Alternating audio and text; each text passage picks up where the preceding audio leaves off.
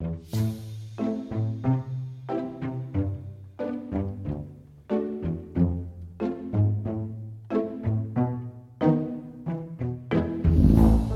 och välkomna till ett nytt avsnitt av Moderna Tider. Den här gången med mig, Matilda Säv, och med dig som vanligt, Stefan Hjalmarsson. Ja, jag har väl inte missat något avsnitt. Än. Nej, Men jag skulle gärna ha en eh, vikarie eller två. Jaha, Så man kan ta semester. ja. Delegera lite. Ja, det, det är väl... Kunde vara skönt, men eh, det är lite svårt kanske rent logistiskt. Ja, det kanske var ha lite intervjuer då för att se om någon eh, nappar. Ja. Men eh, jag tänkte så här om jag... Om jag så här har... Blir sjuk eller någonting så kanske jag kan ringa dig och be dig ta en int- intervju med någon professor. Ja, absolut, det skulle jag gärna göra. Ja. Helst med något roligt ämne då. Ja, men det kan ju vara så där att jag säger så här att Oj, den veckan kan inte jag. Då ska jag åka till Nepal. Mm. Och då eh, kan ju du eh, hoppa in. Du kanske ska åka på någon resa alltså för att reka inför podden gång? Mm. Det hade varit kul. Ja. Det kan vara lite eh, spons. Så om det är någon resebyrå som hör det här så kanske... Då gör vi gärna Just det. reklam. Reklam ja. Ge oss pengar! Nej. Men nej, jag skojar bara. Det är inte så jobbigt. Direkt. Nej. Det är ju mycket olika intervjuer man gör. Så det är ju mycket... Vi har fått Ja. ganska mycket bredd ändå. Hur nöjd är du med podden så här långt? Eh, jo, det är väl eh, helt okej. Rent innehållsmässigt, tycker jag. Mm. Som du säger, en väldigt bredd på gästerna också ju. Ja. Det, det ämnena och, och, och, och gästerna är väl... eh, Det är väl det som kanske är roligast då. Eller det som är mest nöjd med. Mm. Det förstår jag. Men... ehm, ja. Vi har varit på en liten studieresa. Ja. Det var en liten dagsutflykt. Mm. Till Ljungs slott. Ja, det är ju eh, här i häraderna. Ja, precis. Podden utgår ju från Linköping och eh, Ljungs slott ligger ju strax eh, norr om Linköping. Ja. Podden eh, spelas ju in i Linköping nu, men annars så... Alla spelas ju in i Linköping, men med modern teknik så kan man ju prata över hela världen. Ja. Fantastiskt. Nej, men det var en väldigt trevlig utflykt tyckte jag. Ljungs slott, ja. Ja. Det är ju inte riktigt något samhälle, Nej. jag måste säga, utan det är ju bara ett slott och En en kyrka. kyrka. Och jag vet inte om det är så mycket, vi kollar inte så mycket åt andra hållet. Det är ju Göta kanal också då, som går Mm. där. Så att det går ju, det ju, går ju förbi en del båtar och sånt. Men det är ju nära, om man är nära så kan man ju köra av eh, den vägen där. Mellan Linköping och Motala är det väl? Ja, det är riksväg 34. Ja. Men eh, i Ljungs kyrka så ligger ju också vår huvudperson begravd. Ja, och han hade ju starka kopplingar till Ljungs slott. Ja. Och dess härader. Eller det var ju ett eh, gods eller Ja. vad säger man? Godsägaren. Mm. Alltså det var ju inte bara, det var ju alla, alltså, all mark omkring också. Herresäte. Ja. Nu har ni nog listat ut Nej. vem dagens huvudperson är. Men eh, vi kanske ska låta Herman presentera. Ja, det tycker jag verkligen vi ska göra. Vi säger att du är filmproducent och du sitter på ditt kontor och väntar på det här superkolossal manuset som ska komma in och göra er alla rika. Då plötsligt kommer det en glad entusiast in, jag till exempel, och så berättar jag så här. Jag har storyn, en fantastisk story. Här har du allt. Krig, politik, revolutioner, kärlek, mycket kärlek, intriger. Eh, det utspelas i Europas alla hov. Här finns eh, pöbelhopar i Paris, eh, giljotiner. Här finns... Ja, det handlar om en ung greve. Han är vacker, han är rik, han är modigare än de alla andra, de andra. Han kommer ut i världen. Han blir älskare till Frankrikes drottning och till minst hundra andra kvinnor också förresten. Och han är med i sin tids alla krig. Han är i amerikanska frihetskriget, han eh, hälsar på George Washington. Ja, hälsar på. Han skakar hand med Mozart och Haydn och Napoleon kommer med också i filmen. Alla är med. Han gör allting, han är med överallt. Han kommer till Sverige, han blir kungens privata rådgivare, han sitter i sex regeringar, eh, han får alla hederstitlar man kan få och alla medaljer. Och på höjden av sin makt, när han är som ståtligast och vackrast och har sin finaste uniform på sig och alla sina medaljer, åker i för Sveriges finaste vagn, så blir han ihjälslagen. Det är sant. Eh, Pöbeln rusar fram och slår ihjäl honom bang, rakt inför ögonen på Svea Livgarde som inte gör ett smack. Vad sägs? Tycker du det är bra film? Ja, det är möjligt att du kanske tycker att eh, det är lite häftigt. Man kanske ska stryka lite. Han kanske inte behöver vara både vacker och, och rik och, och drottningens älskare. Det är väl att ta i. Men eh, faktum är att eh, det här filmen ska man mycket väl kunna göra, för det har hänt. Allt det här har en man upplevt i Sverige. Det var Axel von Fersen. Dagens person är alltså Axel von Fersen. Den yngre. Den yngre. Den äldre var väl inte så himla eh, känd. Nej, men vi kan börja med honom kanske. Ska vi göra ett avsnitt till honom först? Nej, men vi kan berätta lite bakgrund och vem han var och så. Jaha, ja. Han var ju med där eh, på slottet. Det var ju ganska intressant då om man, tänker, om man bara pratar lite om Ljungs slott. Kan vi göra lite reklam.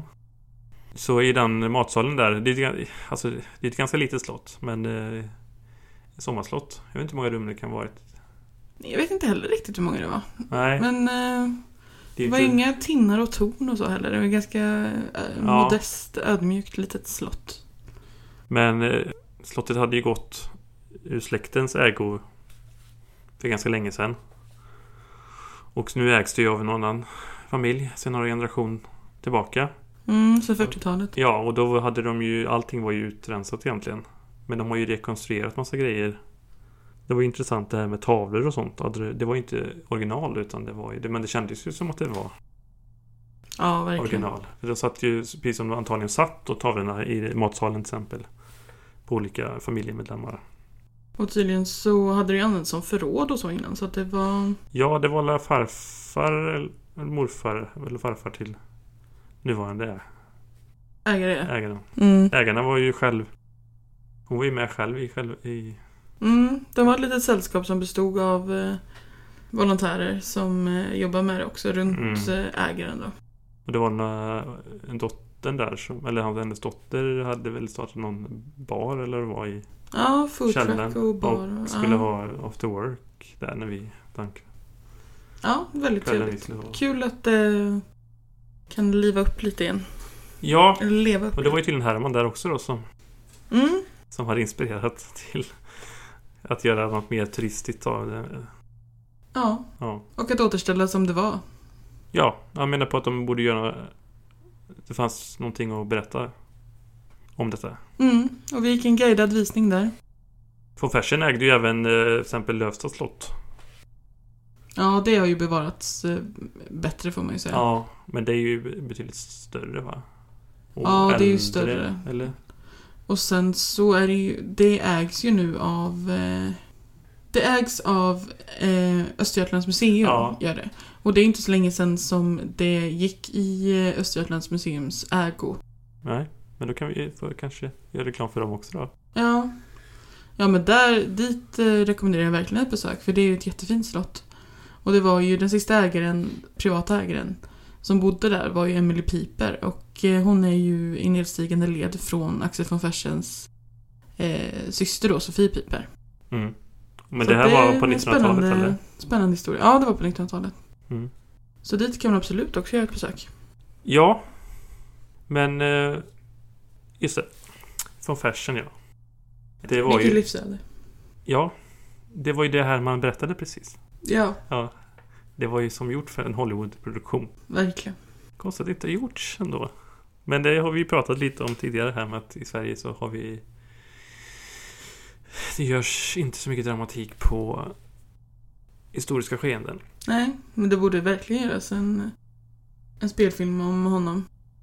Det, det som finns där han är med, det är ju filmen om Marie Antoinette. Som ju Ja, gjordes, men- det är ju inte så länge sedan. Nej. Där är han ju med lite. Men han var inte så central till det va? Nej, men han, är, han figurerar i alla Jag har fall inte där. sett den. Den borde du verkligen se. Väldigt bra Så. film. Jag trodde den bara var... Sofia Coppola. Men i alla fall. Von Fersen var ju en högadlig grevesläkt. Mm. Så Axel von Fersen den yngre som föds 1755 Han föds ju som greve. Ja, och pappan då, han var fältmarskalk. Ja. Och militär. Eller ja, det är... Ja, förlåt. Det är, Ja. det är samma sak. Det, Det, det förutsätter väl kanske ja, att man är militär. men det är bra att vara tydlig. Nej, men han var ju även ledare för Hattpartiet. Mm. Och var ju en stark eh, anhängare av eh, frihetstidens eh, ideal. Och eh, var ju egentligen mot kungamakten. Som, eller att, kunga, att kungen skulle ha mycket makt helt enkelt. Ja, han var ju så att säga en... eh, Man kan kalla honom att han var en toppolitiker Mm. i Sverige. Han var ju faktiskt riksråd också. eh, Under någon period. Alltså, Ja. alltså man kan ju säga att det är motsvarande alltså, statsminister. Det ämbetet fanns ju inte än. Men eh, riksrådet var ju någon slags motsvarande regering. Mm. Och riksråd har ju funnits även alltså, under kungens ledning. För att Adolf Fredrik och Fredrik den förste ledde väl ändå någon slags konselj. Alltså de ledde väl regeringsarbete. Men det var ju då de införde det här med stämpel. Mm. Alltså de hade en stämpel. Alltså kungen behövde inte närvara ens för att de kunde stämpla med hans. Men det är lite som idag. Den amerikanska presidenten skriver, måste ju skriva på alla lagar och sånt där. Och det gjorde väl kungen ända fram till den gamla regeringsformen också i Sverige kanske.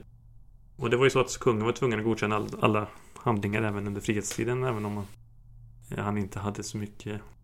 Eh, Reell Nej. makt så nej. Nej, men det hade ju von Fersen desto mer. Ja, Och sen eh, blir det intressant då för att hans son växer ju upp och blir ju eh, väldigt eh, kungavänlig. Ja, Och inte alls eh, anhängare av eh, frihetstidens ideal på Nej, samma sätt som min pappa har varit. nej.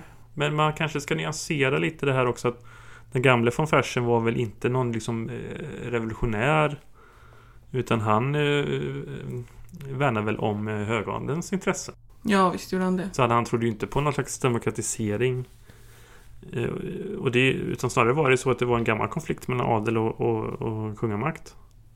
Som i Sverige... Ja, som har, ju, som har ju funnits nästan jämt i Sverige. Ja, och Sverige har väl adeln generellt haft liksom ganska dålig... Alltså, de har ju mest haft makt i de här lägena när det har varit förmyndarregeringar och sånt där. Men Mm. feudalism och sånt slog ju aldrig så hårt i Sverige. Eftersom, eh, och bönderna har ju haft en väldigt stark... Vi har haft mycket, liv, eh, inte livegna, tvärtom, självägande bönder. Och eh, bönderna har ju sedan 1400-talet haft liksom, politisk representation. Mm. Så att, eh, och kungen har ju ofta allierat sig med bönderna mot adeln. Så att de har ju varit en... Det har funnits en stark allians där. Ja, det gavs utrymme för adeln också under det som kallas för frihetstiden. Eh, för det var ganska svaga kungar. Och adeln fick mycket, alltså tillskansade sig mycket makt. Ja, det var ju ständerna som hade makt kan man säga. Alltså ri- riksdagen. Jo, men adelns makt var ju väldigt eh, stark eftersom att det var de som ändå hade pengar och de hade ju Ja, en, ändå i rösträttssystemet så hade ju de väldigt många röster. Ja, De hade ju... Alltså...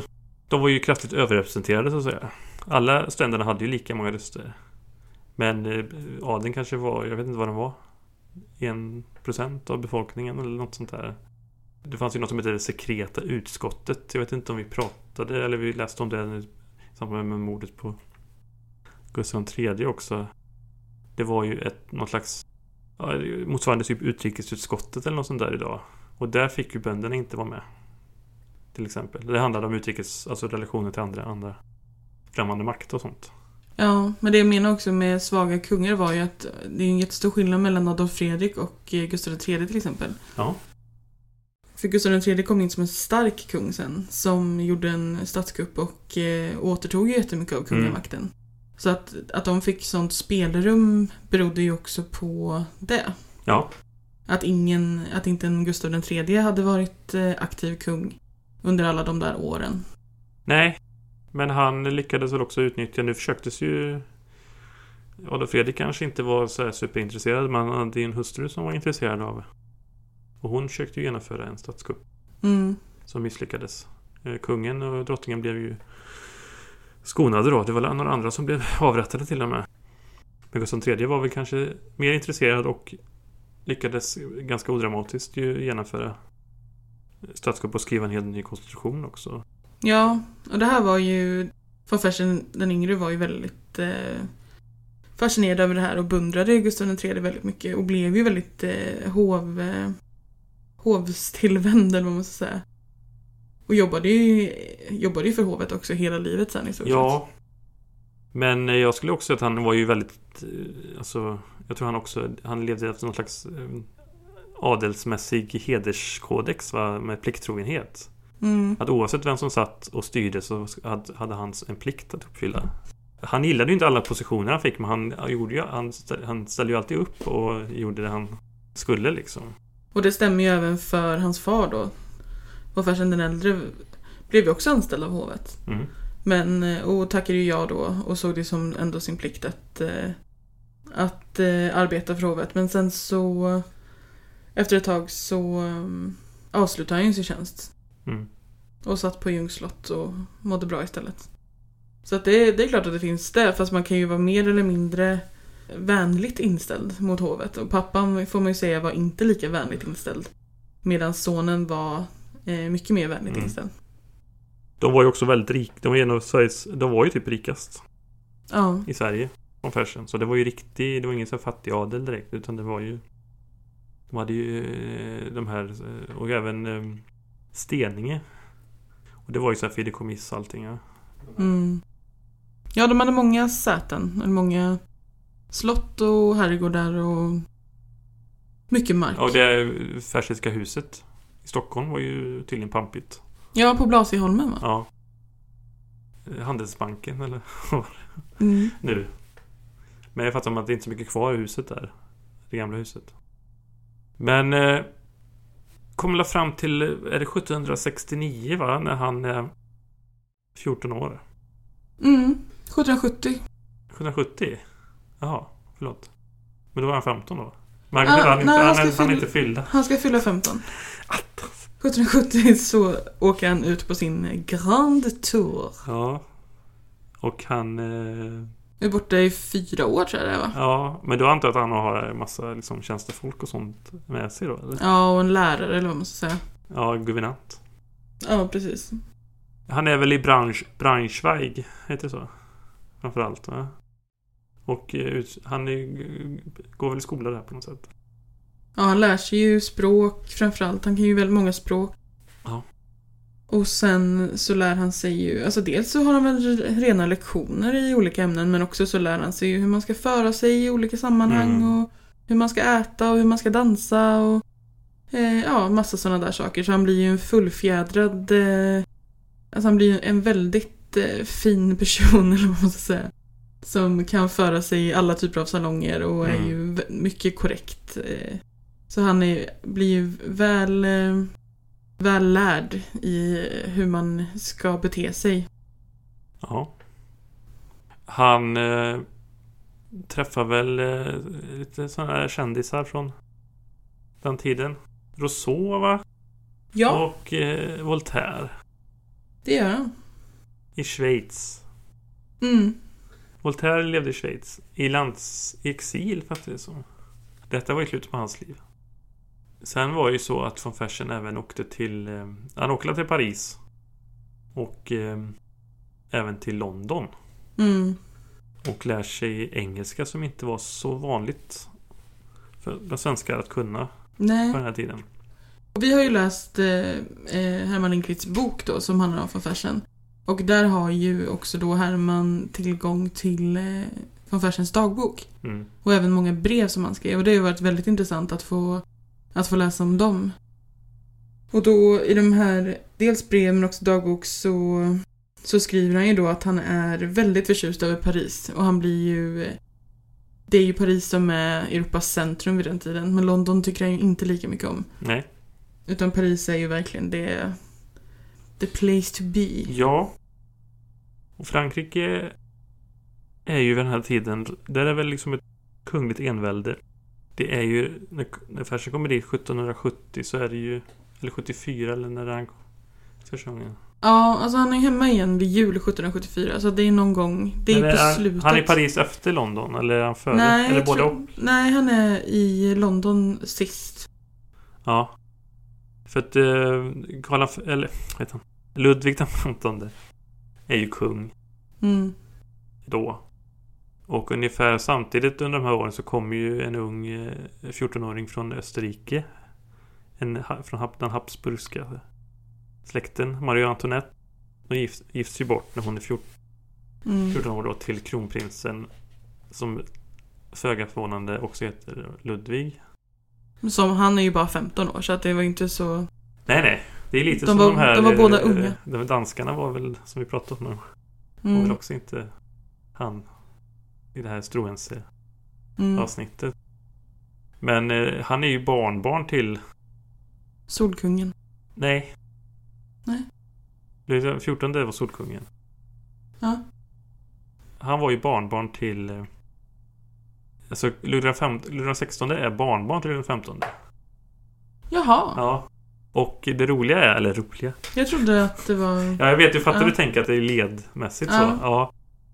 Det märkliga är att Ludvig XV, som bara var några år när han blev kung, typ 1715. Eh, han var barnbarnsbarn till Ludvig XIV. Jaha. För Ludvig XIV blev ganska... Han blev ja, 75 kanske. Men han var ju kung från han var typ 5. Han var ju kung väldigt många år. Och både hans son och sonson han dö innan han dog då så att säga. Mm. Och tydligen var det så även då att Ludvig XVIs far han också dö innan. För att de var inte, han var väl kanske runt Ja, han var väl 20 ungefär sen någonting knappt var när han blev kung. Hette alla Ludvig eller? Ja, Ludvig XIII var ju Ludvig XIVs far i alla fall. Men jag vet inte riktigt om det är...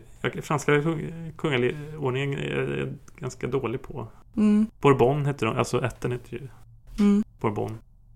Ludvig XV vet jag typ ingenting om.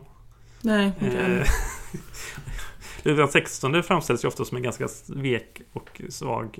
Det är lite Ja. Adolf Fredrik. eh, Velig också. Svårt att, svårt att Han bestämma. vill inte liksom uppröra någon. Och, Nej. och sådär och ja. Och sen är det ju här att han har lite förträngningar. Och han lite, det klassiska att man vill eh, in i sängkammaren och, och Förhudsförträngningar. ja. Som tydligen går att lösa då ganska enkelt. Men han tvekar väl där också. Ja, det gör han ju. Men det blir ju en son sen i alla fall. En ja, dotter får ju, först. de får flera barn. Men eh, Ja, en dotter får de ju först. Och sen så en son som ju blir... dottern blir ju över 70. Hon blir ju, hon överlever ju revolutionen. Och sen en son som ju tyvärr dör sen då. Men det kan vi prata mer om senare. Ja, Men eh, en, eh, men de en träffar väl... tronarvinge lyckas de Men i alla jag- fall producera. Han kom tillbaka till Sverige sen då, sa du? Ja, precis. Men han vill ju tillbaka till Paris. Ja, men han, han blir ju anställd då eh, vid hovet och han blir kapten i armén. Ja, han, ja, han överste hade han ju blivit redan vid något franskt regemente. För senare ska han ju bli över- överste för den svenska, det här Royal Suédois. Eller det var ju egentligen... Det verkar ju väldigt korrupt det där, för jag fattar om han köpte sig den. Men han har ju en lillebror också som heter Fabian. Och han blir fänrik också vid Livgardet. Eh, så båda är anställda då vid eh, hovet och eh, i armén. Men det var alltså grejen var ju att adeln, det var ju adelsmän var ju, det var ju det som hela adelssystemet från medeltiden bygger ju på att att liksom de rikets herrar så att säga lånar ut, alltså erbjuder kungen mot privilegier utbyter man att vara den som skyddar kungariket så att säga. Ja, Så det har alltid varit adelsmän i princip som varit. Och ofta var det ju svårt att, inte, att kunna nå på höga positioner om man inte var adelsman. Som du sa, han- var ju en krigs... Han hade varit med i krig, han eh, gamle Fersen eller? mm. Och även den yngre kommer ju också delta ja visst. i krig.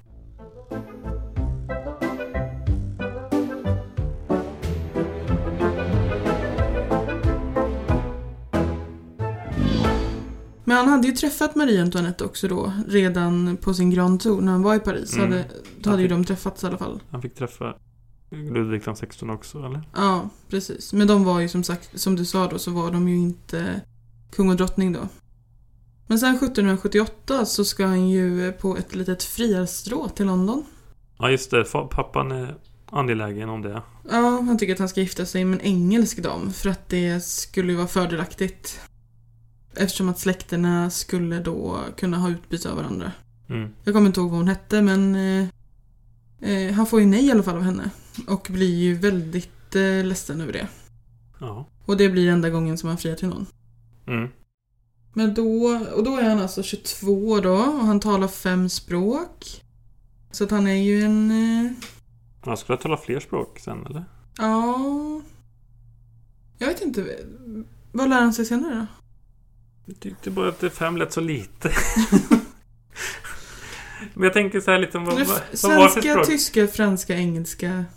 Men han värskade ingen finska och så med tanke på att Finland var alltså Det vet ju andra så kung Gustav II Adolf eller vad det var som kunde Finland var ju ändå ett, ett språk inom det svenska riket.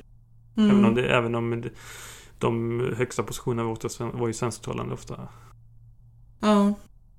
Ja, Latin? jag vet inte. Ja, latin pratar han ju såklart. Gammelgre gammelgrekiska. Men det, det berättar ju Herman Lindqvist också om att han eh, skriver ju alla brev och så på franska. Ja. Och Oui, oui. eh, dagboksanteckningar och man pratar ju franska med varandra i hemmet och sådär. För att Ja, franska var det språk Gustav som ansågs blir som skjuten det, liksom.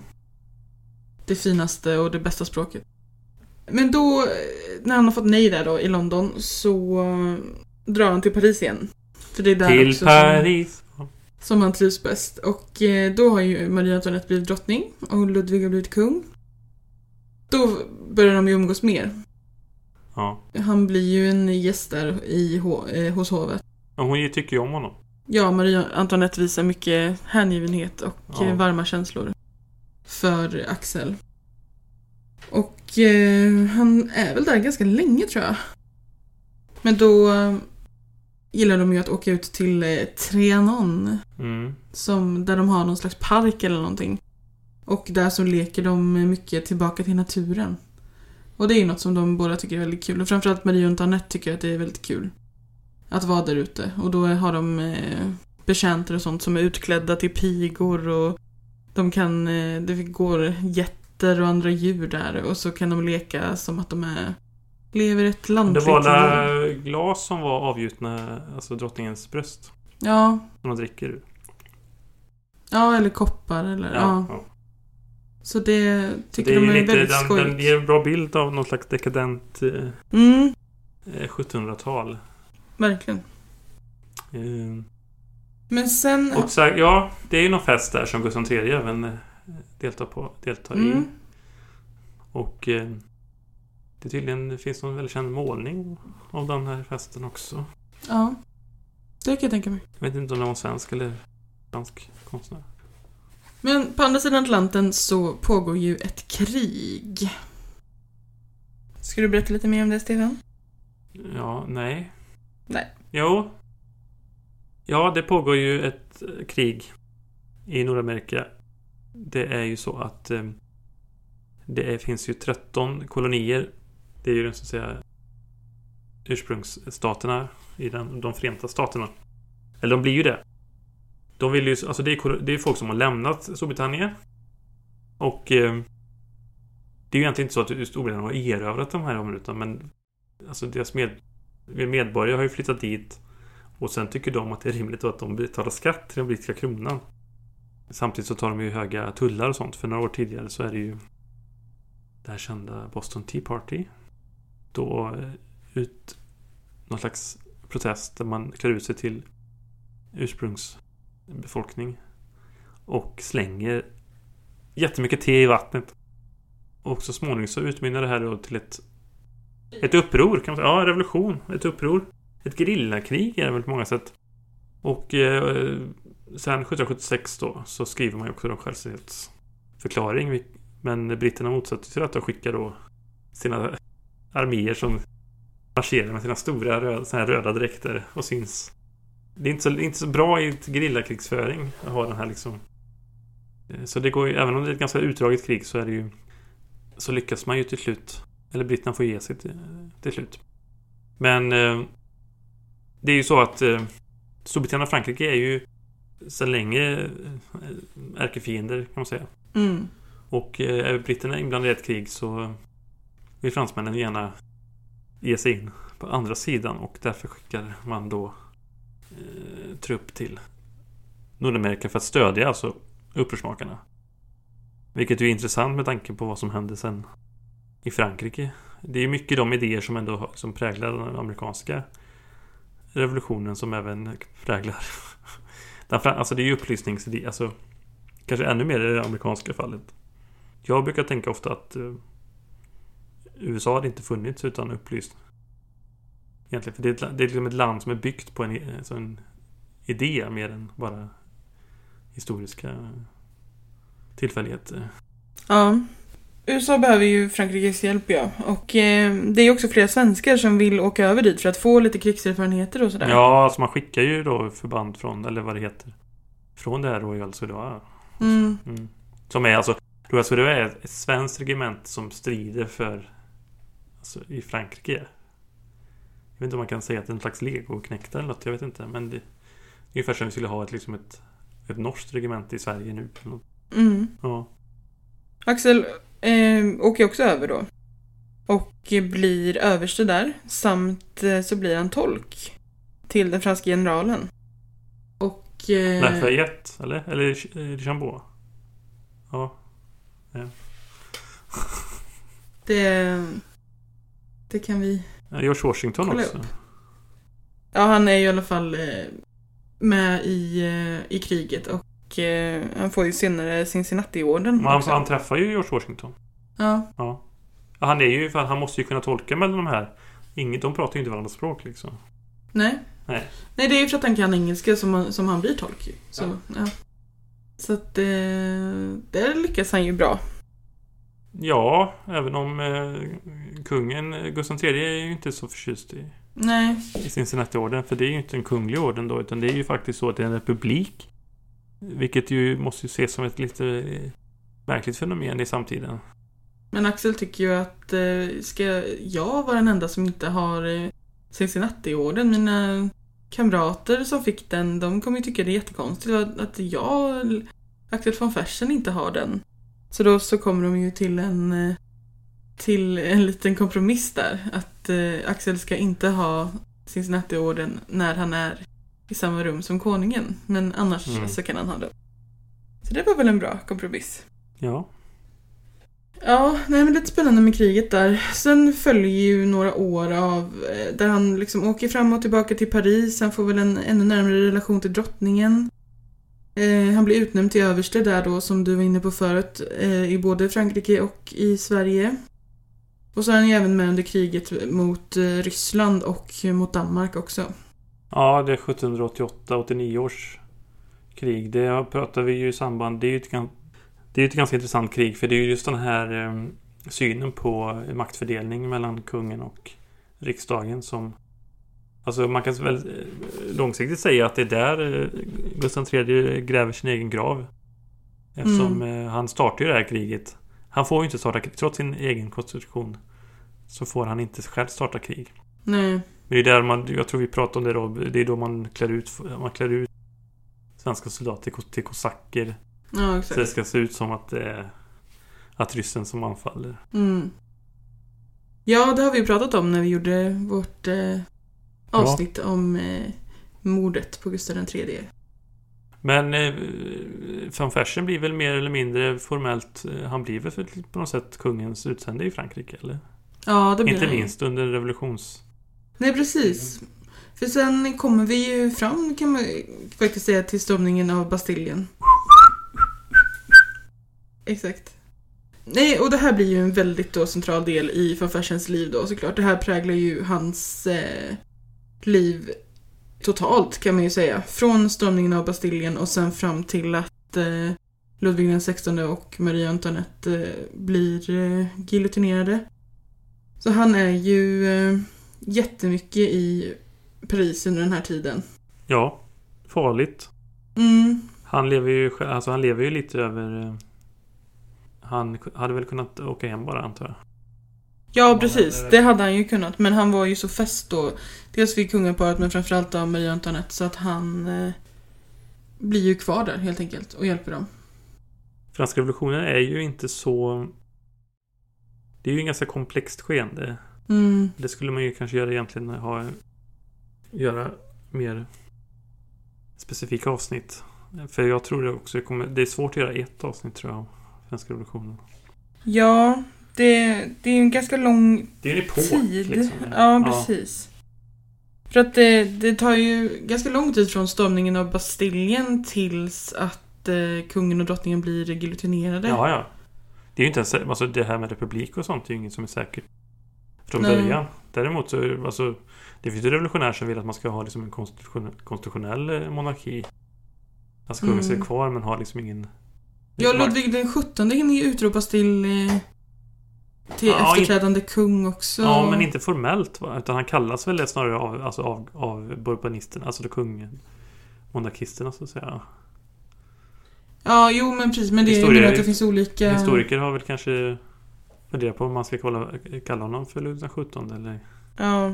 Men det är han som är hertigen av Normandie eller? Det fanns ju ett rykte om att eh, det inte var Ludvig 16 som var far till eh, Lille Ludvig. Tronarvinge? Eller han blev tronarvinge? Han, han blev tronarvinge. De hade fått en son först, Ludvig och Marie Antoinette. Som hette Ludvig Josef. Och sen så kom det ju en till liten pojke till världen. Mm. Och det var ju nio månader efter en av de här tillställningarna i Trianon som eh, eh, han föddes. Och då så fick han... Eh, han blev också hertig av Normandie då. Mm. Vilket... Han heter Ludvig. Han hette Ludvig. Bara Ludvig? Ja, det verkar så. Han hade nog fler namn kanske också. Ja. Men eh, De här, alla han hette ju Ludvig- samma Han sak. blev- kallades ju Ludvig den 17 sen också. Men då gick ryktena då om att det var Axel von Fersen som förmodligen var pappa till eh, lilla Ludvig då. Ja men då får man ju också förklara att Normandie då är ju nord, eh, de nordmän Alltså vikingarnas grundare i Normandie Det var väl han den där vet han? Rollo. Mm. Och eh, eh, Normanderna hade ju även eh, De hade ju vikingakopplingar. Och för att även vet eh, eh, Wilhelm erövraren var ju normand. Alltså de erövrade kungatronen i England. Och sådär så att eh, det finns ju liksom ett släktskap med Norden Som har genom historien. Ja, visst. Men då tänk, då, om man då vill på något sätt Tolka det som att Kungen skulle utsättas för kungen förstod att det inte var Hans egen son Nej. för han då skulle skrivit i sin dagbok också att, att drottningen nedkom med en son och det gick på samma sätt. Det gick till likadant som när min son föddes. Som att han hade en, en son och det här var någon annans son. Tydligen har man ju sparat också något DNA från eh, honom. Och ville gräva upp Axel von Fersen för att kunna ta DNA av honom för att kunna avgöra då om det var hans son eller inte. Men eh, det har man motsatt sig då i Ljungs kyrka. där han det är Svenska begravd. kyrkan som inte vill. Ja, så att man har inte kunnat fastställa Men det, dem det är väl inte hugget i sten. För sånt där har man ju ofta. Sånt där eh, tror jag ofta man eh, begär eh, att få. De grävde ju upp till exempel Birger Jarl då för i början på 2000-talet någon gång och kunde fastslå att han låg där i eh, vad är det, Västergötland någonstans under någon kyrka där. Och då kunde man också göra de här rekonstruktionerna av hans hur han såg ut och sådär. Ja. Eh, Nej men det är väldigt tragiskt där för att eh, både lilla, lilla prinsessan Sofie dör, hon är bara ett år. Och även då kronprinsen Louis Joseph dör. Så då blir ju då Ludvig, hertig av Normandie, blir ju Mm. kronprins. kanske var ett omen att han eh, den första sonen dog 1789. Ja. Men det är som sagt, alltså dotter blir ju över 70 år. Mm. Ja, hon överlevde ju revolutionen. Ja, revolutionen ja. Ja. Det är ju så då att eh, man vill ju ha lite mer makt från de lägre stånden i Frankrike. Framförallt borgerskapet i städerna är ju på uppgång och inspirerade av nya idéer. Som ju även kungar och sånt var också inspirerade av. Det Diderot och de här... eh, Det var ju någonting om att Fersen hade någon grej med henne och hans dotter då. Mhm. Ja. Ja, så kanske det var ja. Vi har inte kommit in, vi vill gärna undvika allt snask. Det var ju även Men eh, Kant sen kom han ju i kontakt med. Eller inte i kontakt med Kant, Kant men ansågs Kants eh, vara, läror. vara någon farlig... Ja. Filosof. Ja. Men jag menar, för även Gustav III och det här vill ju, man vill ju vara en upplyst despot. Ja, visst. Man var ju många, man tog ju till sig mycket om idéerna, men man... Revolutionen var ju inget man ville ha. Nej. Så det handlar ju mycket om att man ville få bort liksom privilegier. Det här liksom att adeln och kungen var privilegierade. Och det märkliga, för det Ludvig XVI gör försöker göra för att liksom lugna ner känslorna det är ju att han samlar nationalförsamlingen. Alltså ständerna. Och det är ju första gången på eh, 175 år som, som nationalförsamlingen eh, sammanträder. Ja. Och då har man ju i Frankrike har man ju lite annorlunda än i Sverige för man har ju tre stånd. Man har ju adel, präster och sen det tredje ståndet som är då alla andra. Alla borgarbönder och kanske jag vet inte hur mycket bönderna var representerade men Sen är ju det liksom det symboliska utbrottet brukar man ofta se det här med stormningen av Bastiljen då den 14 juli 1789. Då en liksom, ja det är ju liksom Folket på gatan som eh, tar till våld mot det här gamla eh, medeltida borgen i Paris. ja, och det som händer då är ju att eh, kungen och drottningen befinner sig på Versailles. Ja, och äter bakelse. Ostron kanske? De blir i alla fall förda till Paris då och blir satta i någon typ av husarrest Ja. där. Det är ju det så kallade kvinnomarschen. Eller det är ju framförallt kvinnor som marscherar till Mm, Versailles och tvingar kungafamiljen att flytta in. ja. Med tyllerierna. Som lägger mitt i Paris gammalt slott. Och Axel är ju där då. Och den, alltså den största grejen som Axel är med om är ju att han försöker frita kungen och drottningen. Och det är ju liksom det stora som händer för hans del. Så det kan vi ju prata lite om. Ja. De sitter ju där då i, eh, i den här husarrest-grejen. Och eh, Axel planerar ju då att de ska få fly. Och Marie Antoinette verkar ju vara väldigt engagerad i det här också och hon blir ganska hand, handlingskraftig. De börjar planera den här flykten i detalj och de skriver brev till varandra med osynligt bläck och med skiffer och alltså i kodord till varandra och eh, planerar ju den här flykten då som då ska äga rum i juni 1791. Mm. En fantastisk sommar. Och ehm, det går ju bra till en början. Ja, alltså grejen är ju fast det går ju inte så... Alltså, det verkar ju varit jäkligt svårt rent logistiskt det här för de ska ju... De ska väl vara utklädda till någon slags tjänstefolk eller vad det är. Ja. Eh, Och de ska ju själva ha med sig en massa människor för de kan ju inte... de är 13 De personer. kan ju inte klara sig själva. De har ju aldrig varit... Nej. De har ju alls Drottningens frisör och så ska ju följa med. Är det viktigt? Ja, men, nej, de har ju två barn då i livet. Och eh, så de är ju bara fyra personer då, men så är de 13 personer totalt då. Så att, nej okej, det, det går inte bra så, men de Nej, men kommer det ju var ju iväg i som alla hon sa ju på det här museet att eh, drottningen hade svårt att hitta ut. Va? Mm, För hon... Eh, dels så såg hon dåligt, tror man, men sen hade hon aldrig liksom gått själv. I nej, och så fick hon så gömma sig ganska länge också för att det, det Lafayette dök upp. Lafayette dök upp. Han var väl någon slags ledare, ledde han själva nationalkonventet eller något just då? Han var ju någon slags regeringschef eller något. Ja, men det här är liksom lite innan skräckväldet va? Alltså innan eh, Mm. Robespierre och... Men de kommer iväg i alla fall. De kommer iväg även om de är Von Fersen är försenade. ju inte med då utan han har ju ridit i förväg till Bryssel. Ja, han är ju med först, för han, han spelar ju deras kusk först. Och han för ju dem ut ur Paris. Men sen så gör de ett kuskbyte. Så, och då rider han själv till Bryssel och eh, så ska, han ska möta upp dem där. Och det verkar ju ha varit mycket för att eh, Ludvig den XVI då inte ville att eh, dels en eh, utlänning men också Marie Antoinettes eh, älskare skulle vara den som förde dem till frihet.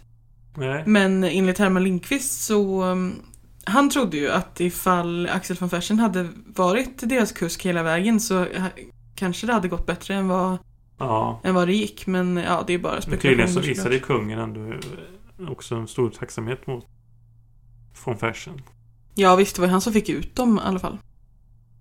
Ja. Sen var det så Gustav III hade ju också tagit sig ner till Aschen. För att möta kungafamiljen där. Ja. För han ville ju vara någon slags ledare för någon slags europeisk kontrarevolution. Ja. Och han var väl den som engagerade sig mest i Ja, kungaparet. Österrikarna var ju, för Frankrike var ju redan i krig mot Österrike. Österrike förklarade krig mot, i samband med revolutionens utbrott. Mm. Ehm, Så det fanns ju en starkt motstånd mot revolutionen i Alltså jag tror många kungar Kungar och furstar i Europa blev ju lite kanske vettskrämda av eh, det som skedde. Och detta var ju ändå långt innan för det blev ju mer på riktigt för övriga Europa sen under Napoleonkrigen och så. Men eh, som eh, lyssnaren kanske redan vet eller har förstått så tog de sig inte till varken Bryssel eller Aachen eller Frankfurt. Eh, Nej. De blev stoppade. ja, De var ju bara sex mil från gränsen. ja. Det var i staden Veran, Mm. En gränsstad. Ja, men det var ju, alltså, det var ju till stor del så var det ju för att de hade blivit försenade som de inte klarade sig. För att när de upptäcktes där då på morgonen att de inte låg i sina sängar så gick ju rikslarm liksom. Och då började ju alla leta efter dem. Så att Det eh, att, det var ju lite tråkigt att de inte kom iväg det tidigare. sägs att de kände igen kungen på ett eh, mynt. Ja, det finns ju mycket skrönor också. Så att de det. tillbaka till Paris.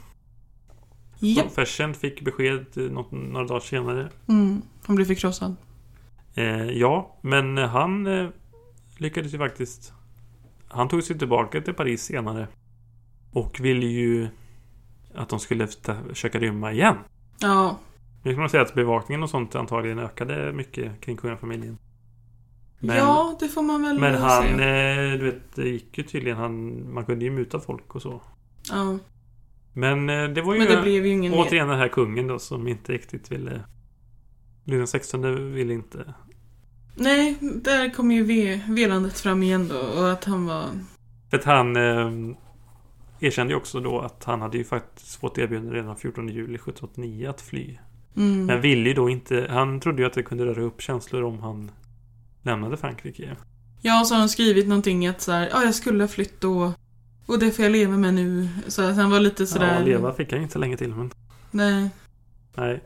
men att han hade haft sin chans där. Så han var ju lite, alltså han ältade ju saker lite Ja. också verkar som. Sen 1792 då så stormas Tuilerierna och sen avskaffar man formellt monarkin Mm. och sen döms kungen och drottningen. Till Eh, döden. Ja, kungen har ju, man vet ju att kungen också har haft kontakt med till exempel österrikare. Och det blir ju ett väldigt tydligt bevis för landsförräderi. Och kungen avrättas först i januari 1793. Och sen senare samma år så avrättas drottningen.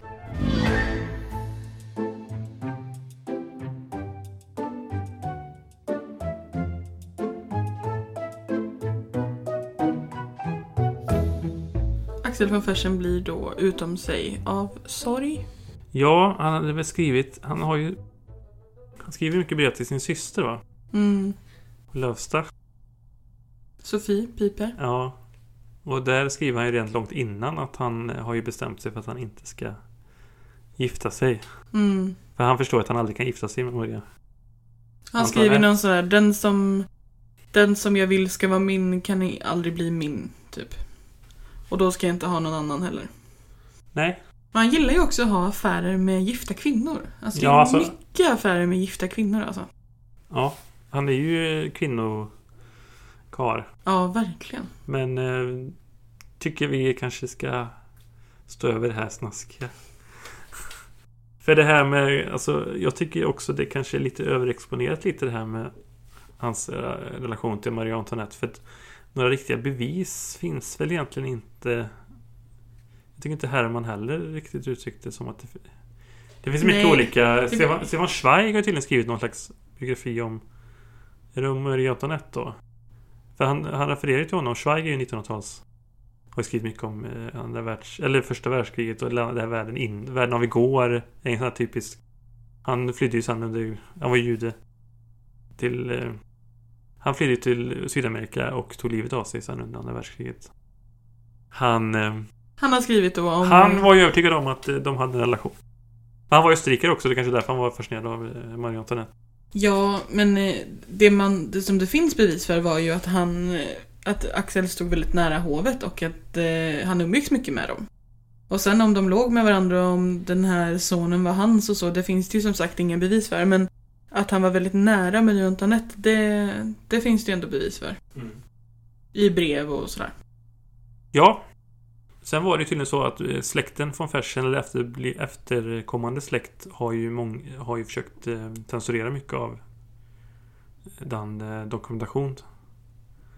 Men eh, det har man ju tydligen med modern teknik då, polisteknik, kunnat också avdechiffrera kan man säga. Mm. Och läsa även alltså överstrukna grejer. För att man har väl inte riktigt just det här med att man vill skydda eh, fina damer och sånt. Deras heder. Men eh, han, han hade ju tydligen också ihop det sägs det med eh, vad heter hon då? Eleonor. Ja men hon, alltså, hon som blev drottning sen eh, Karl XIIIs eh, i mål. Jaha. Ja. Hon som väl var väldigt nära vän med Sofie Piper. Det finns en liksom, stor brev. Som också en stort eh, historiskt alltså, dokumentation. Brevväxling mellan dem. Mm. Men jag ska bara se vad hon hette. Hon hette! Får en trumvirvel där. Nej, vad tryckte jag på nu då? Nej! Hon hette... Hedvig Elisabeth Charlotta av Holstein Gottorp. Mm. Ja, men han är ju... Men ja, just det. Men han hade ihop med henne alltså, tidigare tror jag. Alltså, Ja, men han har, han har jättemånga kvinnorelationer. Han eh, får ju även en venerisk sjukdom en gång också. ja, men det var nog han inte unikt på den tiden. Nej. Nej. Det är lite nästan som att i den här boken Herman Lindqvist beskriver som att nästan, han liksom inte skriver inte ut vad det Det är nästan som han försöker kyscha lite om att han fick en venerisk sjukdom. Alltså, Mm. han säger inte vad det är för någonting. Nej. Men det verkar vara ett övergående i alla fall. Så det verkar inte Det är vara, väl det verkar, syfilis? ja men syfilis blir man väl knäpp av. Alltså det är ju... Alla blev väl inte knäppa av det? Men det var väl ingenting man blev frisk ifrån? Jo. jo. Oh. Nej. Man kunde ju fan dö av det. Ja, precis. Ja, ja. Det här är inte medicin på... Vi... Nej, det kanske var gonorré då. Klamydia. Nej, men då håller han... Han flackar ju runt Men det var ju, det var ju han den här... eh, Alltså hans älskarinnas mans fel. Ja. Ja. Eleonor. Ja, Elinor eh, Sullivan. Precis. Eller Sullivan. Nej. Men han, ja, han... Det är ju den här perioden som han får eh, kontakt med hon, Eleonor. Jag kommer inte ihåg vilken stad hon bodde i. Nej, men jag vet inte. Jag kommer inte ihåg så mycket. Det är så mycket med henne fram och tillbaka. Det är lite Ja. röd tråd i hela den där berättelsen tycker jag. Och han kommer... Det verkar ändå vara hemligt. Det verkar inte vara något som är öppet direkt. Men han Nej. misstänker ju hela tiden. Han verkar inte vara så trevlig den här. Hennes make direkt. Nej, för han, han flackar ju runt. Han är tillbaka i Sverige några år och sen så vill han åka tillbaka till Eleonor igen. Och, eh, men han, alltså då när han är tillbaka i Sverige då, efter det här liksom, så är han ju ändå förvånad över hur känd han är i Sverige. Och att han fortfarande verkligen är ett namn i Sverige. Ja. Men eh, han och Karl den trettonde går ju inte så jättebra ihop då. Men nu är vi väldigt snabbt långt fram till Karl XIII här. Ja. Ja. För att jag tänker först att vi kan ju nämna först att 1792 har ju även Gustav III då dött. Som vi har nämnt. eh, Kanske oproportionerligt många gånger i den här podden. Mm. Eh, Vi har ett, vi vet, eh, alla vet hur han tema. dog, och sådär. Så Alla lyssnare förstår vilken kung vi Men eh, tycker mest jag om. fattar det som att de ändå var, de var väl hyfsat... De umgicks en del i sin ung... Alltså nu var ju han lite äldre men de verkar ändå varit lite... Även eh, alltså Karl XIII, och de- alltså hans bröder och sånt. De verkar ju ändå ha umgåtts en del. Men han verkar ändå till vid sig när kungen... För han pratar ju mycket om att alla människor, att han blir mer och mer ens... Alltså alla som han tycker om försvinner på något sätt. Hela ti- stä- eh, successivt. Ja, visst. Men han blir, kommer väl tillbaka till Sverige sen eh, 1790, något år senare. Ja, precis. Ja, och då eh, är ju kungen eh, omyndig. Ja, för då är det ju Gustav IV Adolf som är kung. Och han gillar ju... Men han är inte Ja, men han är ju omyndig kung. Så ja, han, jo, men... han har ju ingen formell makt. Han gillar ju i alla fall eh, Axel von Fersen. Och Axel von Fersen gillar honom. Men Karl XIII då är ju mer av en... eh, redan då så är ju han med i leken så att säga. Och eh, de går ju inte ihop riktigt. Det var det jag skulle säga. Nej, men sen vill ju han, sen när han blir myndig då så så vill ju han ha, han vill gärna bli utrikesminister, Axel von Fersen. Mm. Men det får han inte bli. Men, Nej, eh, han blir där- ju kansler vid Uppsala akademi då istället. Ja. Och eh, ska väl egentligen mest vara spion för eh, motverka revolutionära tendenser. Ja, exakt. Gustaf IV Adolf var ju ganska, han var ju väldigt, han var ju nästan lite paranoid när det gällde eh, och var ju ganska präglad också av mordet på sin far. Mm. Stängde till exempel operan då. Och ehm, sen när Napoleonkrigen bröt ut så ha, han hatar ju Napoleon. Han beskrev ju Napoleon som det här eh, kreaturet i Uppenbarelsebok. Alltså han var ju alltså djävulen Mm. eller... Belsebub. Ja. För Sverige går ju krig faktiskt mot Frankrike 1807.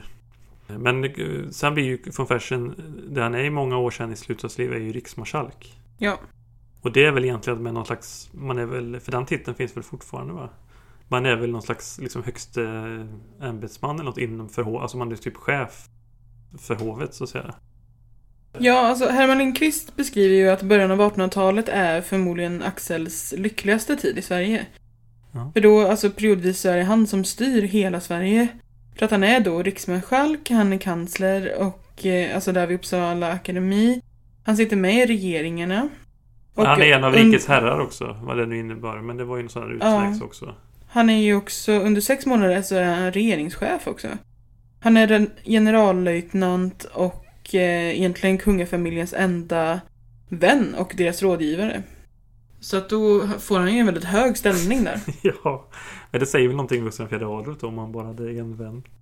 Ja, men han är inte så populär tyvärr. Ja, ja, han blir ju ännu mindre populär då. Och det går ju mot slutet för mycket här nu. För 18, på vintern 1808 då, så går ju Ryssland in i Finland. Och Sverige är ju faktiskt illa ute för fransmännen har ju gått för infran... Eller i, i Danmark, i Helsingör, så finns ju en viss marskalk, Jean-Baptiste Bernadotte. Och det finns ju då tankar på att Sverige ska, Ryssland och Frankrike ska attackera Sverige från varsitt håll och eh, dela Sverige vid Motala ström. Det blev inte så, men ryssarna i alla fall Kriget går ju väldigt dåligt för Sverige. Och Sveaborg överges ju. Och sen 1809 då så växer ju fientligheten mot kungen. Mm. Och han... eh, Ja, han avsätts då i en, en slags eh, statskupp då. Jag har gjort ett avsnitt om eh, som handlar om året 1809 som kanske lite mer utförligt Mm. beskriver det här. Ja, det är svårt för att alltså, det händer ju så mycket kring eh, Axel von Fersen eftersom att han är den här liksom Alltså han, han lever ju i en tid där det händer så fruktansvärt mycket saker. Han är ju verkligen i händelsernas centrum också hela tiden.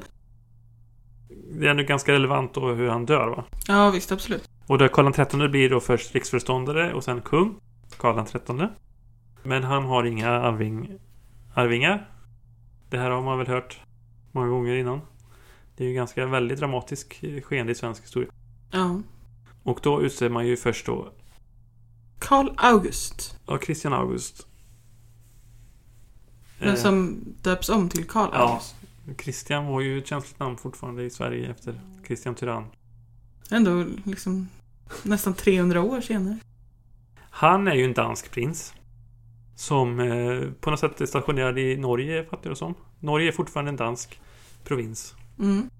Ska ju snart bli en svensk, gå in i union med Sverige. Men eh, Karl August under en korta period, han är svensk, han blir ju faktiskt svensk kronprins. Adopteras av Karl XIII. Eh, riksdagen väljer honom till kronprins. Och han hinner faktiskt bli ganska populär. Mycket populär har jag Eh. förstått det som. Ja. Och... Eh, Jag vet inte riktigt hur han får den populariteten men nej, men han är väl... folklig på något Ja, sätt han verkar ju inte vara. alls vara... Han beskrivs ju inte som liksom von Fersen. Han verkar ju liksom vara liksom... Inte så stilig och... eh, Så här som von Fersen. Nej, Och sådär. Men, men han det är ju- jag är bara fascinerad över att han på så pass kort tid blir så pass populär. Men ja, det är ju... Sen vet jag inte vad man har tänkt för han har ju... Jag fattar det som, han är inte gift eller? Han har inga barn. Han är ju över 40 år ändå. Karl August. Ja. Ja. Nej, jag vet inte. Sen hade ju tydligen han själv erbjudit sig att han skulle på något sätt adoptera eller att så att säga Gustav IV Adolfs son Gustav skulle kunna bli tronarvinge efter honom. Men Gustavianerna tycker väl att, eller Gustav IV Adolf tycker ju att han, sonen framförallt har ju liksom, alltså så här ett arvsrike så har han den lagliga rätten till, Ja, visst. till, Till tronen, ja. ja. Mm. Men eh, Karl August blir ju aldrig kung. Utan han, eh, Dör. ja, i Karl August dör av eh, ett slaganfall som han får. Jo, men jag ska se vart det var någonstans. Kvidingehed. Det är en exercis där på häst. Och han ramlar av sin häst och dör. Mm. Eller han dör, eller det blir dödsförklarad ganska snart. Ja. Och det skickas ett gäng läkare från Lund för att göra obduktion. Rossi hette han. Han var livmedikus, du det som. De slår ju fast och skriver alla på protokoll att det finns inga tecken på förgiftning. För det, tydligen så fanns det redan lite innan det att det fanns liksom en konspirations... Man var rädd för konspirationer från där Axel och hans syster Sofie pekades ut som eh, att de inte ville ha... Att de inte ville ha honom Nej. som kung för att de Att- var gustavianer liksom. Ja, Och Axel är ju där då ju. ja, Och han blir då utpekad som att han eh, har mördat eh, Karl August helt enkelt. ja men det är ju också det här protokollet man skriver så är det något ord man missar så att det blir missförstått också. Mm. Och Rossi har ju också, han är ju sådär... Eh, han är ganska förknippad med von Fersen på något sätt. Så man bygger konspirat... Alltså att läkaren på ett sätt då skulle... Också in i mutad, konspira- eller? Ja. konspiratorer. Har intressen också att eh, skriva ett falskt protokoll till exempel. Mm. Men... Eh, von Fersen skiter ju i det här. Han, som riksmarskalk så har ju han eh, hand om... För att eh, Karl August ska ändå begravas i Stockholm då. mm. Och eh, då är ju stämningen lite spänd i huvudstaden. Ja, och han åker ju med i den processionen. Ja, jo men han är ju... Han är ju... Han, ska han, han, han är liksom... Sköter väl hela begravningen liksom. Ja. Och eh, tydligen så vill, upp, finns ju fl- flera personer som uppmanar kungen att man kanske borde... Det kan vara risk för att det händer någonting. Men kungen, Karl XIII verkar inte så intresserad av att ingripa. Nej, Han pratar ju om att den fina herren, han att lära sin läxa. i Stockholm då, den här dagen när de ska komma tillbaka, så bjuds ju tydligen Stockholmsborna bjuds ju på sprit på morgonen Ja, redan. Så ja. att folk är fulla när, Men det verkar inte när processionståget, sprit på morgonen. när processionståget eh, kommer in. Jo men de är ju fullare än vanligt för de har blivit bjudna på sprit. Eh, Ja, kungen bjuder på sprit.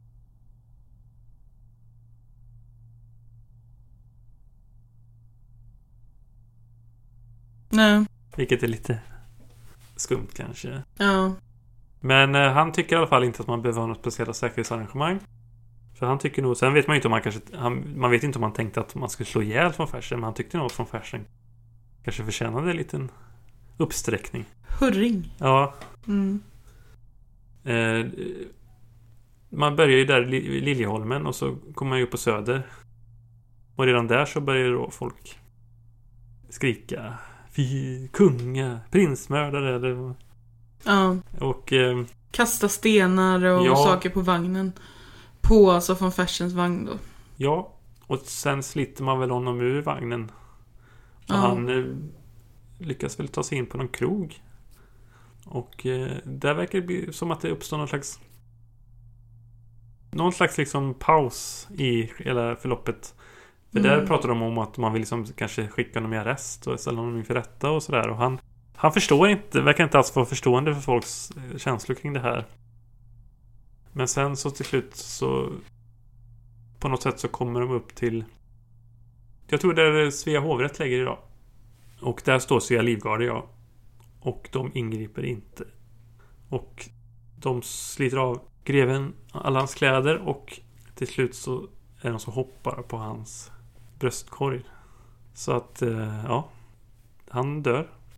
Han mördas där på öppen gata. Det är Ja. fruktansvärt slut alltså. Ja, men man lyckas aldrig riktigt bevisa vem som gör vad. Så det är ju ingen som ställs inför rätta Nej. för det här. Sen fattar jag som att det, det är någon slags allmän upprorsstämning. För, för man pratar ju lite om att det skulle varit Sveriges, det svenska 14 juli. Och att det finns liksom fulla stockholmare där som vill gå vidare. Liksom, starta en revolution. Va? Men det, Mm. det, det, det dör ut ganska fort. Hela den stämningen. Mm. Och eh, och Fersen får ju ändå sen en fin begravning Ja. i Riddarholmskyrkan. Och eh, begravs då i Ljung i familjekoret. Alltså det, alltså det är ju inte bara han utan många i familjen som är begravda där. Och det var ju hans syster va, som reste den här minnesstenen också Mm. där för honom. Sen, sen vet jag inte riktigt. Jag har väl inte undersökt så mycket hur eftermälet eller hur man såg på von Fersen liksom. Sen, för sen då så kommer ju då som vi vet alltså Bernadotte och så blir ju han kung och Ja, det moderna Sverige kan man säga. Inleds. Ja. Ja, verkligen. Det, det kan man ju verkligen säga att Axel von Fersen var eh, liksom en rest av den här fina adels eh, eran. Mm. Ja, ja, det, det är ju en föränderlig tid. Det är ju någon typ av omvälvning som sker 1809 också när man avsätter kungen men också då framförallt skriver en, en ny regeringsform. Som ju faktiskt finns, fram, finns kvar ända fram till 1974. Mm. Även om man så att säga kanske använder den på lite olika sätt så är det ju ändå samma. Så den är ju den som, det är den som Det är den grunden man står på när man bygger det moderna samhället. Och det handlar ju mycket mer om maktdelning och sånt. Alltså delning mellan kung och regering. Och så Mm. successivt så går ju det över mer. Alltså kungens makt urvattnas ju mer och mer med tiden. Något som jag har tänkt på är att eh, jag tyckte det varit väldigt intressant att få ta del av hans tankar och åsikter i de här breven. Och det har blivit en, eh, en fin eh, källa till att se liksom hur, dels hur han var som person och ja, men hur han tänkte och så. Han beskrivs ju ofta som att han var väldigt allvarlig och att han var väldigt eh, Alltså proper, artig men ofta allvarlig och sådär. Men sen så kan han senare i sin dagbok ha skrivit att åh, jag var på en fest ikväll och den var mycket härlig och uppsluppen. Så att eh, det är ändå det är kul att få tillgång till sådana källor som Mm. dagböcker och brev. Men det är, en annan sak som jag tänkte på var också att eh, han beskriver ju ofta kvinnor eh, som väldigt fula och eh, han har en väldigt stark åsikt om hur folk ser ut och hur de för sig. Och speciellt då kvinnor, att det kan vara att han träffar någon kvinna igen efter några år och då så har hon lagt på sig massor eller hon har blivit så ful och rynkig och Alltså det, han har väldigt starka åsikter om hur folk ser ut. Mm. Och det är lite intressant. Ja, men det var väl också så att man, det var väl en del av eh, hur man skulle föra sig. Och eh, man var ju väldigt, det var ju en tid av där man så att säga använde mycket.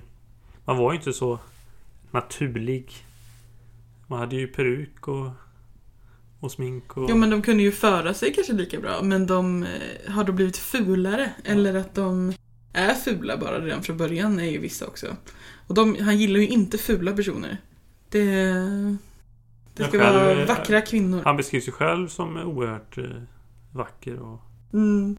Alltså, alltså eh, ofta i historieskrivningen så menar man på... Och han var ju en kvinnokarl. Ja, Attraherar ju kvinnor uppenbarligen. han var lång och ståtlig och hade Men jag mörka också att han var ju väldigt skolad i... Alltså han kunde ju säkert också eh, föra en konversation. Jo visst, Enkelt. men då tänker man ju att utåt sett så måste han ju ha varit väldigt artig och så mot alla oavsett eh, om de var fula eller inte. Men sen sitter han då i sin, och skriver i sin dagbok Ja. eh, hur fula och ovårdade och sådär de var. Det är ändå... Jo, problemet är ju att eh, det är ju... Idag kanske han har suttit på Twitter istället och skrivit det. Jag vet inte hur mycket han tänkte att någon annan skulle skriva det, läsa det i framtiden va? Nej, det var ju inte menat för publicering. För många dagböcker och brev som skrevs på den tiden var ju menade för att bli publicerade på något sätt. Men eh, hans dagbok var ju inte menad för att eh, publiceras. Nej, och man skrev väl inte... Alltså självbiografin var väl inte heller uppfunnen riktigt. Alltså, men både brev och dagböcker kunde vara skrivna på ett sånt sätt att de, eh, alltså brevroman eller så, att de, Ja, ja. de var ämnade för att bli publicerade sen. Men det var ju inte hans dagbok då. Ja, det är ju intressant det där. Eh, Men dagböcker är ju ett väldigt eh, viktigt... Brev och dagböcker är ju väldigt viktigt historiskt dokument. Ja, Och det är klart, håller man på sådär som de släktingarna då, att man skulle censurera grejer, då blir det ju... Det är ju faktiskt ett slags kulturmord man sysslar med. Ja, så är det. Men det är bra att man tekniken kan använda modern teknik även till att det man tror är förstört ändå kan användas. Mm. Men eh, har, eh, har vi något mer att säga? Om fan fashion? Nej, jag Eller någonting tror, annat? jag tror det var det vi hade om honom. Ja, vi får väl se vad vi ska prata om nästa gång. Men det har vi, det har vi inte bestämt än. Det blir en överraskning. Okej. Men då tackar vi för oss för den här gången. Tack så mycket. Vi hörs. Det gör vi. Hej då! Hejdå!